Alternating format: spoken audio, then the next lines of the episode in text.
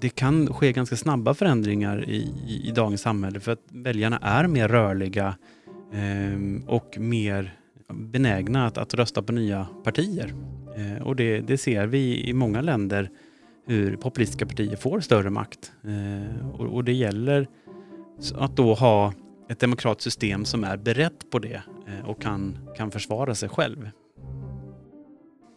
Under de senaste åren så har det allt oftare kommit varningar om att demokratin i världen är hotad. I flera länder, också i Europa, så har oberoende medier fått svårare att verka, auktoritära ledare tar kontroll över domstolarna och det görs inskränkningar i de mänskliga rättigheterna. Men skulle det här kunna hända även i Sverige? Hur skyddar det egentligen vår demokrati? Du lyssnar på Forskarpodden vid Uppsala universitet. Det här avsnittet produceras av mig, Åsa Malmberg. Patrik Bremdahl heter jag, docent i konstitutionell rätt vid juridiska institutionen här vid Uppsala universitet. Om du ser ur ett juridiskt perspektiv, hur stark skulle du säga att den svenska demokratin är? Ja, det där är en sån där fråga som är svår att ge svar på. Det finns ju inget så här uppenbart hot mot den svenska demokratin just nu och vi har ju en lång historia av stabil demokrati. Sen så är det ju så att, att, att när man när man tittar i de här länderna där vi ser att demokratin har gått bakåt så är, sker det ju inte över en natt utan det är små steg för steg som, som det här sker och då, då gäller det att ha en, en bromskloss, en konstitutionell beredskap. Eh, och där kan jag ju tycka att vi kanske i, i Sverige har en, en konstitution eller en grundlag som inte riktigt har de här bromsklossarna som, som man kanske skulle behöva om det kom liknande attacker som vi har sett i andra länder. Vad skulle det kunna vara för bromsklossar? Ja, det finns flera olika varianter man kan, kan göra. Dels handlar det om hur man ändrar grundlagen, hur man skyddar den. Eh, sen så handlar det lite om hur stabila domstolsväsendet är, hur självständiga våra domstolar är eh, i förhållande till politiken. Det är sådana saker som man, man skulle kunna stärka så att säga. Som du ser det, vad är de största hoten mot demokratin? Alltså de största hoten, om vi tittar internationellt, och så här, det är ju olika typer av populistiska partier som får eh, plötsligt får ett väldigt stort väljarstöd. Eh, och, och när, det, när det verkligen blir ett reellt hot, det är ju när en, en, ett parti eller en partigruppering får mer än 50% av rösterna. För då har man ju möjligheten att driva igenom saker i parlamentet eller i riksdagen då för svensk del utan eh, att någon kan stoppa det. Och det, det är där då, då man kan få ett, ett riktigt rejält hot mot demokratin. Men är det bara grundlagarna som reglerar demokratin i Sverige? Nej, det är det inte. Utan vi, har, vi har ju fyra grundlagar i Sverige. Eh, och den viktigaste är den som kallas för regeringsformen. Det är den som sätter upp eh, eh ramarna för den svenska demokratin. Sen har vi tryckfrihetsförordningen och yttrandefrihetsgrundlagen som eh, pressfrihetslagar kan man säga som skyddar det skrivna och sända digitala ordet. Eh, och sen så har vi successionsordningen som är kungahuset. Men regeringsformen är den som sätter upp ramarna för demokratin. Och det är just det där, det är ett ramverk, skelettet, eh, de viktigaste bestämmelserna. Och sen fylls de på i, vanlig lag eh, som, som så att säga ger kött på benen. Vad krävs för att göra, om man nu vill ändra i grundlagen, vad krävs då? Ja, den svenska grundlagen brukar man säga är relativt lätt att ändra. Det räcker med enkel majoritet i riksdagen. Eh, det vill säga hälften av de angivna rösterna. Eh, och sen så ska det vara ett val emellan, så det ska vara två beslut med enkel majoritet med ett val emellan. Men det här behöver inte vara ett ordinarie val, utan det kan vara ett extraval. Eh, så har vi då till exempel ett parti som har fått starkt stöd, har 50 av, av, eller mer än 50% av rösterna och de utlyser då ett extraval, så, så finns ju då möjligheten att de får tillbaka de här mandaten och snabbt då kan göra en ändring av grundlagen. Skulle man till exempel helt kunna ta bort en del som yttrandefrihet, religionsfrihet, monarki eller så? Ja, alltså egentligen så finns det inga gränser eh, rent maktmässigt. Eh, vi, har en, vi har ett svenskt statsskick som bygger på riksdagen. Riksdagen är den centrala aktören i, i vår demokrati. Eh, sen så har vi ju bundit oss till vår omvärld. Vi kan inte ta bort mänskliga rättigheter för då eh, kommer EU eh, reagera för att det finns krav på att man har ett rättighetsskydd. Vi är också med i Europarådet som har Europakonventionen om mänskliga fri och rättigheterna som, som också sätter stopp för att Sverige skulle göra en sån sak. Så att det finns internationellt tryck på oss att inte göra det men rent, rent formellt så har ju riksdagen rätten att ta bort rättigheterna, gå ur EU och gå ur Europarådet och FN och allt vad det kan vara.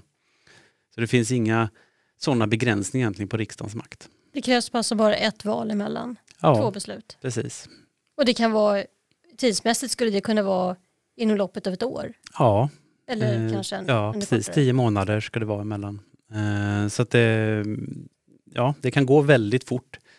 Sen så krävs det ju mycket då för att göra alla de här förändringarna. Eh, Och man skriver ju inte en grundlag över en natt. Men, men eh, och, och ser vi så att säga, internationellt så går det inte så fort utan man gör det steg för steg. Man börjar begränsa det man kan utanför grundlagen. Så gör man vissa grundlagsändringar för, som sakta stärker partiets makt och som sakta eh, begränsar då opposition och, och liknande. Hur ofta har vi gjort förändringar i grundlagen? Relativt ofta. Man kan säga att egentligen efter varje val så tar vi beslut om ändringar i grundlagen. Så pass? Men det är inga stora förändringar. Eh, och när vår nu- nuvarande grundlag kom till, och det är viktigt att ha med sig det, då, då hade vi en grundlag som inte speglade verkligheten. Utan vi hade en grundlag som till exempel sa att det var kungen som hade makten. Medan vi ju hade infört parlamentarism och satt riksdagen i centrum istället. Och man ville skapa en ny grundlag som var lättare att förändra och som skulle följa med samhällsutvecklingen så vi inte fick en grundlag som inte speglade verkligheten. Så att vi har en grundlag som är lätt att ändra av, av pragmatiska skäl eh, och för att grundlagen ska vara användbar, inte bara bli en, en symbol som inte går att använda. Så det finns ju positiva grejer i det. Eh, och det gör också att vi justerar den allt eftersom. Sist vi gjorde en större förändring i grundlagen, det var 2010. Eh, och då, då skrev vi om stora delar av språket, förenklade språket och vi stärkte rättighetsskyddet, vi stärkte domstolarnas ställning lite grann och gjorde om lite kring lagstiftningsmakten och sådär. En lite större förändring. Annars är det små justeringar som sker för att det ska stämma överens med verkligheten. Men det är ändå en ganska stor apparat att ändra i en grundlag. Det är ingenting man... Nej, det är Lite ingenting som, Nej, precis. Och Det är därför det är efter varje val. Eh, för då tar man ett beslut före eh, valet och sen så tar man då det konfirmerande beslutet efter eftersom det krävs två beslut. Och det måste förberedas också på, jag tänker med hur man ska formulera sig och på vilket sätt. Så är det. Det föregår ju ofta som en parlamentarisk utredning som går igenom och diskuterar för och nackdelar med förändringarna och sen så tar man fram lagförslag som diskuteras i riksdagen. Så vi har en, en ganska gedigen lagstiftningsprocedur med många steg så att eh, de blir ordentligt genomlysta. Men hur, hur tydlig måste en regering vara med att man vill ändra i grundlagen? Inför väljare till exempel, eller oss vanliga människor? Så rent processuellt så är det ju i förhållande till riksdagen. Eh, Det är, det är riksdagen som är mottagare av förslaget ifrån regeringen. Så regeringen lägger fram en proposition till riksdagen eh, som riksdagen debatterar och utskottsbehandlar och sen röstar om. Eh, Och eh, lagrådet har vi också med som kan granska det här lagförslaget. Sen så finns det också ett litet, eh, eller det finns ett minoritetsskydd som gör att minoritet i riksdagen kan kräva en folkomröstning om grundlagsändringar. Eh, och då, då funkar den så att då, lägger man, då får man i samband med valet då en folkomröstning eh, kring grundlagsändringen. Eh, och om folket säger nej, då får man inte genomföra den. Men om folket säger ja så behöver man fortfarande inte genomföra den. Men har man då en sån här situation där vi har ett populistparti med 50% av folket bakom sig så blir en sån folkomröstning troligen inte då ett större problem. Men jag tänker att det kan ju vara svårt att, eh, för gemene man att förstå vad den här förändringen skulle kunna ha för, för effekter. Mm. Och det är just därför som vi har den här proceduren att vi har två eh, beslut med val emellan. För att oppositionen då ska kunna informera väljarna om vad den här grundlagsförändringen innebär. Eh, och skapa opinion mot till exempel och, och göra det till, till den viktiga valfrågan. Om det, om det skulle vara en sån större förändring som vi pratade om tidigare. Men det här är någonting som alltid kommuniceras eller är det så att man kan att man ändå ibland har, jag tänker på de eh, ändringar som har gått igenom. Är det, har det alltid varit uppe på bordet på det här sättet eller är det så att det, det talas lite tyst om det och sen eh, De flesta grundlagsförändringar är nog inte så mycket debatt kring för att de är oftast ganska tekniska. Eh, man gör mindre ändringar kring, kring hur eh, till exempel partibeteckningar i valfrågor och så vidare. Hur, hur, såna här små detaljer som, som kanske inte är det viktigaste för väljarna. Däremot när vi gjorde vår större eh, förändring förra gången. Då, hade, då var grundlagsutredningen som, som eh, var ansvariga, de var ute och hade öppna möten för allmänheten eh, där man fick komma på input och det var, kom ut forskarrapporter och så vidare. Så då var det ganska mycket diskussion kring de här eh, ändringarna. Sen är det upp till folk att ta reda på och ta emot informationen och vara intresserad av, av de här frågorna. Det måste ju komma upp på bordet för att man ska veta också, tänker jag. Så är det. Eh, och det, där är igen, det är riksdagen och regeringen som, som är centrala aktörer här i, i hur publik det här blir så att säga. Eh, men vi har ju offentlighetsprincipen som gör att man kommer åt det här och, och riksdagens handlingar är ju tillgängliga på, på hemsidan så fort de läggs fram till riksdagen.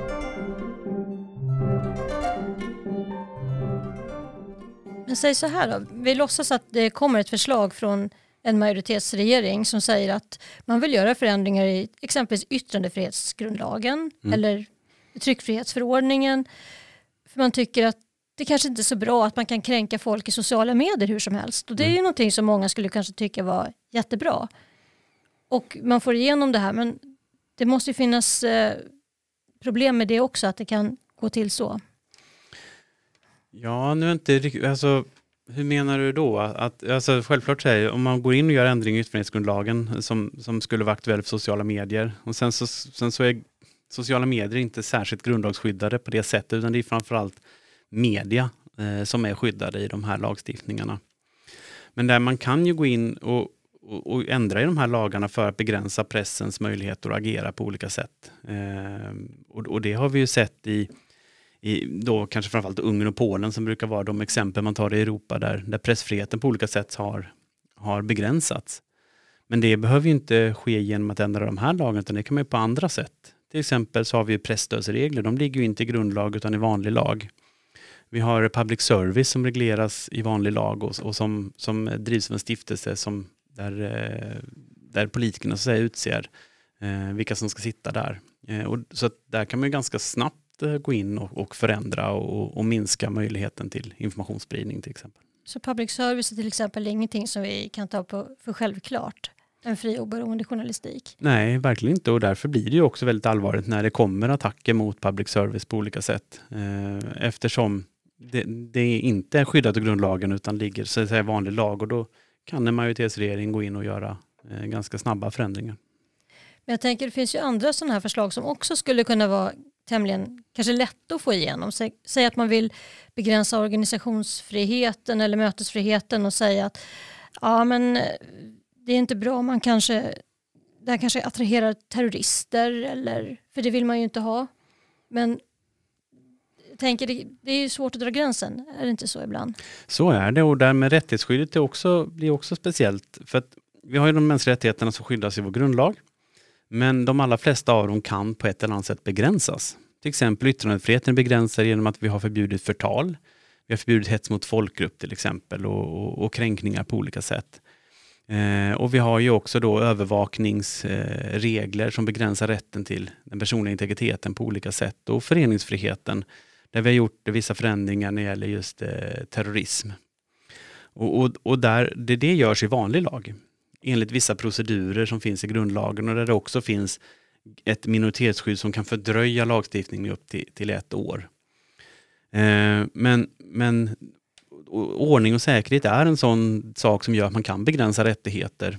Eh, och det ser vi också runt om i världen hur man begränsar just föreningsfrihet eller olika typer av mötesfrihet och så liknande genom hänvisning till ordning och säkerhet och terrorismbrott och kanske framför allt. Och även avlyssningsregler också faller in under den här terrorismbiten och det givetvis går ju att missbruka på olika sätt. Ja precis, för avlyssning det kan ju vara rent polisiära saker att man vill att det ska vara lättare att lyssna av eventuella brottslingar. Mm.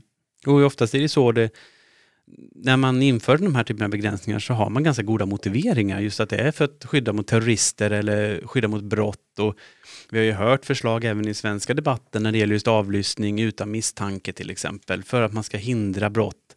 Och det är sånt som låter bra och men det är också saker som kan missbrukas på olika sätt eh, för att eh, avlyssna personer som inte alls är tänkt att omfattas av en sån lagstiftning eller som folk tänker sig skulle vara omfattade av en sån lagstiftning. Behöver vi i Sverige få bättre kunskap om vad som sker vid en, hur en grundlagsändring går till eller har vi, behöver vi mer kunskap? Det är väl det som diskuteras allmänt, intresse för politiken, att det går ner, vi får mer polariserat, man tar inte åt sig information på samma sätt och det är klart att det är ju en fara och det är ju ett av de första stegen som tillåter populismen att växa. Eh, om vi ser det historiskt. Eh, och så, så det är viktigt att vi, vi är vaksamma och att vi förstår också hur viktig hur viktigt det är med valhandlingen, för det är ju enda gången vi ställer våra politiker till svars egentligen när vi går till val vart fjärde år, det är då vi kan så att säga, byta ut om vi inte är nöjda med regeringen eller några politiker. Så det är viktigt att, att vara medveten om, om betydelsen av den valhandlingen i sig själv. Men det finns väl andra saker också som vi var inne på förut att, eh, som styr demokratiska frågor juridiskt. Till exempel om vi har rätt att, vem vi har rätt att gifta oss med. Till mm. exempel. Det, det styrs väl inte av grundlagen så att hbtq-rättigheter skulle väl så är det och, och diskrimineringsfrågor också mm. i största allmänhet. Är ganska svagt i, i, i grundlagen utan där har vi diskrimineringslagen som är stark. Eh, och nej, rätten till äktenskap och så vidare har vi inte skyddat eh, i grundlag eh, och inte rätten till samkönade relationer heller inte skyddade i grundlag. Så att det är också någonting som skulle väldigt snabbt skulle kunna förändras? Ja, om man har igen, eftersom riksdagen är så central så, så all lagstiftning kan riksdagen ändra med ett beslut eh, om man har majoriteten. Så det skulle kunna gå väldigt fort? Ja, alltså det handlar om att ta fram lagförslag och där, där ser vi också en utveckling där det går allt fortare att ta fram lagförslag. Eh, vi har sett också starkare kritik från lagrådet mot kvaliteten på lagstiftning till exempel. Hur kommer det sig att det går fortare nu? Eh, det har att göra med det finns en massa frågor. Man har valt att ta lite genvägar. Vi har en klassisk där vi ska tillsätta en utredning som lämnar förslag, remissbehandling och sen så kommer en så kallad lagrådsremiss och så går det liksom en massa steg. Och man har börjat korta tider, man har börjat hoppa över och ofta har det varit i frågor som är politiskt eh, väldigt högt på agendan. Vi hade till exempel migrationskrisen så gick det väldigt fort att göra förändringar. Eh, för att man hade ja, lovat det rent eh, politiskt och ville stå för det. Och vi har, vi har sett att det finns sådana tendenser och också att man allt oftare, även om man fortfarande lyssnar på lagrådet i stor utsträckning, så finns det fortfarande exempel där man inte gör det längre. Där man tidigare gjort det. Och cementaffären som var uppe här, eh, nu har ju tiden gått så fort här, men något år sedan, mm. när Cementa, där lagrådet sa att den här lagstiftningen är grundlagsstridig. Eh, och man, riksdagen valde eh, med stort sett full enighet att klubba igenom den lagstiftningen ändå. Eh, och det är klart att det är också ett hot mot eh, de demokratiska spelreglerna. Man struntar i konstitutionen. Eh, och, och där blir ju då nästa problem att om man börjar ta lagstiftning som strider mot konstitutionen, då är ju domstolarna det, den enda bromsklossen som kommer Eh, och som kan hindra eh, att, att sån lagstiftning eh, tillämpas. Och hur skyddar det domstolarna deras oberoende i grundlagen? Det finns ett grundläggande skydd för eh, domstolarnas självständighet och att eh, man inte får lägga sig i deras dömande och att domarna har en stark eh, ställning så att säga anställningstrygghetsmässigt. Sen så finns det en massa frågor som inte reglerar grundlagen och det här pågår just nu en statlig utredning där man ska titta på om man kan stärka ehm, skyddet för domarna. Till exempel pensionsåldern står inte i grundlagen, skulle man kunna flytta upp dit. Antalet domare i de högsta domstolen finns inte heller i, i grundlagen så att rent tekniskt skulle man, jag tror att just nu är 14 domare i högsta domstolen. Om man dubblar det och så tar man in eh, då partilojala, eh, eftersom det är regeringen som utser domarna, eh, så får man helt plötsligt då en kontroll över domstolarna genom att, så att säga, utöka antalet domare. Ehm, och sen så har vi Domstolsverket som en statlig myndighet som ligger under regeringen som också har inflytande över domstolarna på olika sätt, inte minst genom budgetregleringar och riktlinjer för hur man ska eh, arbeta mm. på domstolarna. Och det har man också diskuterat om det också ska regleras upp tydligare så att man får ett starkare skydd. För det vi har sett i andra länder är just att att domstolarna är, är, under attack och man på olika sätt eh, förändrar deras möjligheter att agera. Men även i Sverige alltså? Inte så mycket i Sverige, eh, men det är ju det här med den, den här beredskapen att, att man vill eh, se till att det inte kan ske i Sverige. Utan vi vill skydda så att domstolarna kan vara en motvikt mot ett eventuellt parti som, som inte vill grundlagen väl.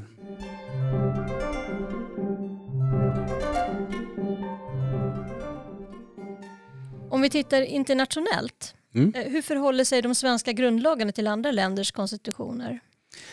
Alltså, det finns en väldigt stor flora eh, grundlagar eh, runt om i världen. Och en del är ju väldigt gamla, som den amerikanska till exempel. Eh, och det sätter ju sin prägel på, på grundlagen. Vi har grundlagar som är väldigt detaljerade, eh, som då lämnar lite utrymme till tolkning. Sen har vi då den svenska grundlagen som är ganska öppen i tolkningar för att den ska vara flexibel. Eh, det finns eh, olika ändringsförfarande, olika eh, grundlagar eh, där det finns eh, allt från den svenska varianten då, att man har två beslut till att man har kanske en, att eh, hela eller delar av grundlagen kräver en större majoritet. Eh, vi har tyska exemplet där man har så kallade evighetsklausuler. Där det finns eh, två stycken eh, klausuler i grundlagen som inte får ändras. Och det handlar om demokrati och människovärde. Det måste kunna bli problematiskt också. Jag tänker exempelvis om, tiderna förändras ju. Mm. Och där är ju så här, varje konstitution är en reaktion på någonting som har hänt. Eh, man skriver en ny konstitution för att på något sätt reagera på det som varit tidigare. Och i Tyskland så är det ju nazisttiden som är, är deras trauma, deras reaktion mot och därför just människovärde och demokrati så oerhört centralt för att man inte vill hamna där igen. Eh, och vi ser också till exempel många östeuropeiska länder och Tyskland har så kallade konstitutionella domstolar eller författningsdomstolar som har eh, rätten att, att tolka grundlagen och, och eh, underkänna politiska beslut utifrån grundlagsfrågor. Och det har vi inte i Sverige den typen av specialdomstol, utan den, den frågan ligger på alla domstolar. Och det finns ju för och nackdelar med det också, att man har en stark central domstol med mycket makt, och mycket legitimitet. Eh, och det gör att de här frågorna kommer upp på bordet. Eh, risken med det är ju att det är ganska lätt då, som man gjorde i Ungern, att fixa till eh, författningsdomstolen så att den eh, är till ens egen fördel genom att ändra, sänka pensionsålder, göra om organisationen och lite sådär. Medan ett decentraliserat system som vi har i Sverige då, där alla domstolar kan göra det, det är svårare att, att komma åt eh, för ett, ett sånt här populistiskt parti till exempel.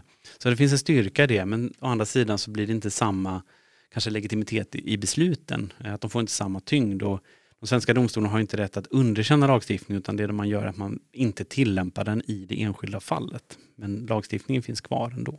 Just det, om vi tittar på exempel Ungern som du har tittat en del på. Mm. Eh, där, finns, där har det oberoende rättssystemet monterats ner lite grann, mm. eller ganska mycket. Mm. Och pressfriheten är satt under hård press. Mm. Eh, skulle sånt här kunna hända i Sverige på samma sätt? Eh, där, Ungern är ett som, läskigt exempel på många sätt just för att dels så, så, när det nuvarande partiet kom till makten så, så sågs det som ett ganska liberalt parti. Eh, och, och, men, men sen så har de steg för steg konsoliderat sin egen makt och sen så har ganska snabbt monterat ner eh, centrala delar av rättsstaten som vi tar för givet. Och, och pressfrihet, eh, organisationsfriheten har varit en sån där, där man har stämplat föreningar som utländska agenter till exempel. Man har, minsk, man har gått på eh, invandringsfrågor och begränsat möjligheten att, att komma till Ungern. Eh, domstolarnas självständighet, domarnas självständighet har man på olika sätt gett sig på. Eh, religionsfriheten, kyrkor har fått svårare att, eh, ehm, att eh, finnas och verka i landet. Så man har gjort väldigt mycket väldigt snabbt. Ehm, men det börjar igen med de här små stegen där man sakta börjar och sen så när man kommer till den här positionen när man får de här 50 procenten, det är då det kan gå fort. Och det är det som det gäller att, att vara vaksam på. Och vi, vi har sett andra länder också där partier kommit egentligen från ingenstans och, och ganska snabbt fått mycket makt. Eh, både populistiska partier men även andra partier som i Frankrike till exempel där, där eh, Macrons parti eh, bildades och ganska snabbt fick eh, st stort, stor makt i Frankrike. Så att det, det kan ske ganska snabba förändringar i, i, i dagens samhälle för att väljarna är mer rörliga eh, och mer eh, ja, benägna att, att rösta på nya partier. Eh, och det, det, ser vi i många länder hur populistiska partier får större makt. Eh, och, och, det gäller att då ha ett demokratiskt system som är berett på det eh, och kan, kan försvara sig själv. Men om man tittar på Ungern till exempel, Mm. där har man ju inte en jättelång tradition av att vara demokratiskt. Spelar det in? Jag tror att det spelar in. Man pratar ibland om författningskultur eh, och, och vad grundlagen har för ställning. Eh, och USA till exempel är ju ett land där, där på något sätt alla är medvetna om konstitutionen och, och sina konstitutionella rättigheter och det är en viktig del av ens identitet. Eh, jag tror, eh, jag vågar mig säga att det inte är så i Sverige att vi har samma koll på vår grundlag eller vilka våra konstitutionella rättigheter är, även om den medvetenheten om mänskliga rättigheter framförallt har ökat och, och sådär. Ehm, så det är liksom en del av det, alltså hur befolkningen ser sin grundlag, vad, den har för symbolvärde. Sen så handlar det också om vad man har för politisk kultur, eh, vad man har för typ av politiker och, och vi i Sverige har ju haft eh, turen att ha politiker som ändå har respekterat det demokratiska systemet och arbetat inom det demokratiska systemet och, och accepterat valförluster och, och liknande. Och vi har haft, eh, inte som, som i USA som är det mest extrema exemplet kanske, där man ifrågasätter hela vallegitimiteten. Och, och det är en strategi som vi ser runt om i, i världen blir allt vanligare från de här mer populistiska eh, krafterna. Man ifrågasätter legitimiteten i, av demokratin och valhandlingen på olika sätt. Eh, så att, så att i Sverige har vi en god politisk kultur eh, som har funnits länge och, och vi har också haft ganska mycket konsensusfrågor kring just grundlagen, att där är vi överens. Ska vi ändra grundlagen ska vi vara överens.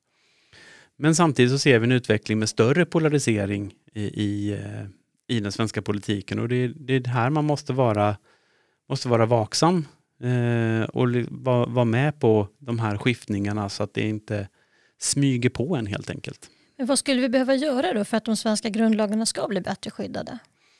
Det finns massor av saker man kan göra och som sagt, just nu pågår det utredningar kring det här med grundlagsändringar. Där man tittar på om man ska göra det svårare att eh, ändra grundlagen. Vi har också utredningar som handlar om att stärka domstolarnas självständighet. Eh, så vi får se vad de leder fram till.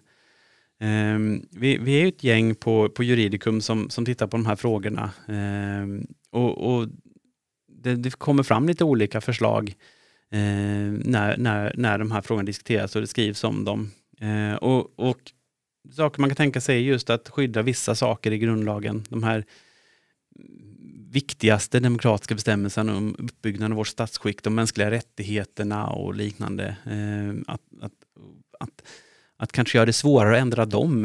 Eh, en sak som diskuteras är lagrådets roll. Eh, lagrådet består ju av domare från de högsta domstolarna som tittar på lagförslag och, och, och eh, kollar om dels hur de förhåller sig till grundlagar och mänskliga rättigheter men också hur väl utformade de är. Och där har det också diskuterat om man just när de säger att någonting är grundlagsstridigt, att de faktiskt ska ha vetorätt där.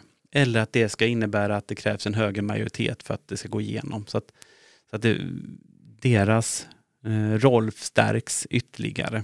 Och sådana funktioner kan man också se i andra länder, att man har någon form av lagråd eller granskande organ som, som kan eh, på olika sätt eh, stoppa lagförslag som man anser grundlagsstridiga.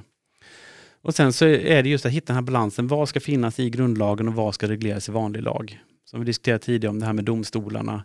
Eh, val är en annan sån sak. Vi har en vallag som reglerar ganska mycket kring valet som, som inte står i grundlagen och som då snabbt kan ändras. Som valkretsindelningar, eh, hur röstningen går till, poströster, förtidsröster, regler kring det.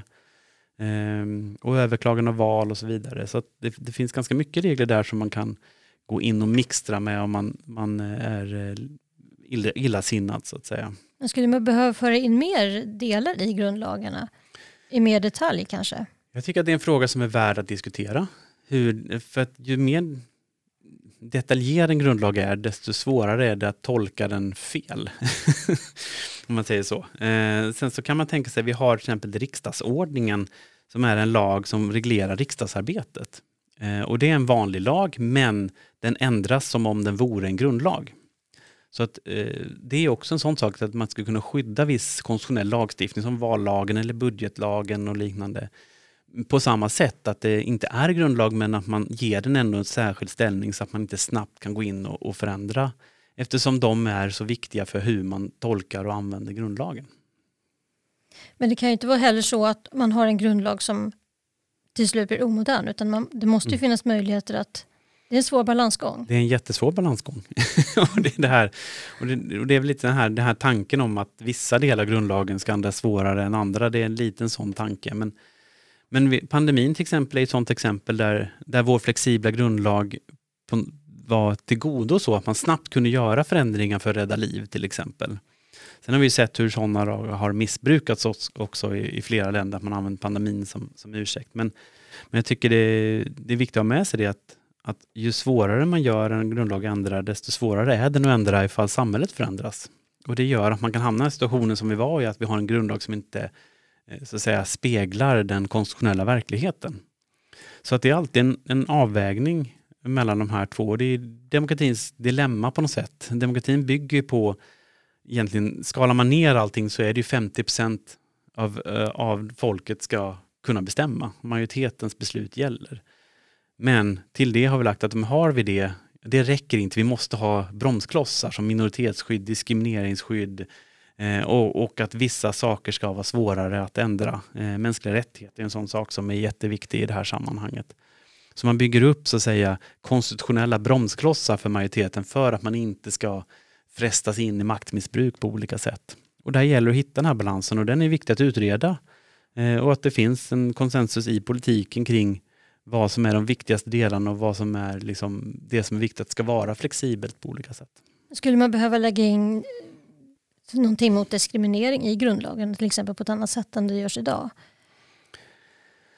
Um, det där är också en fråga att utreda. Eh, jag kan väl tycka att det diskrimineringsskydd vi har som är, handlar ju om, om kön och eh, etnicitet. Eh, det är ett ganska svagt skydd. Däremot så har vi en ganska stark diskrimineringslag. Eh, men det har ju kommit förslag nu om att avskaffa diskrimineringslagen. Så vill man ha ett starkare diskrimineringsskydd som, som har eh, mer bäringar, då är det ju rimligt att ha det i, i grundlagen. Man kan se det finns diskrimineringsskydd i, i olika MR-konventioner som Europakonventionen till exempel. Som är väldigt starka och omfattar väldigt många grupper, fler än den svenska diskrimineringslagen. Men de är då i förhållande till mänskliga rättigheter. Och det är också en variant man skulle kunna ha. Man har ett starkare diskrimineringsskydd för vissa särskilt viktiga frågor i grundlagen. Ja, tack. Tack. Kul att du kom hit. Du har lyssnat på Forskarpodden med forskaren Patrik Bremdahl. Följ oss på Podbean, iTunes, Spotify eller andra poddläsare. Kontakta oss gärna i sociala medier på hashtag forskarpodden eller på universitetets webbsida uu.se forskarpodden. Jag heter Åsa Malmberg och Forskarpodden produceras av Uppsala universitet med musik av Marcus Sjöblom.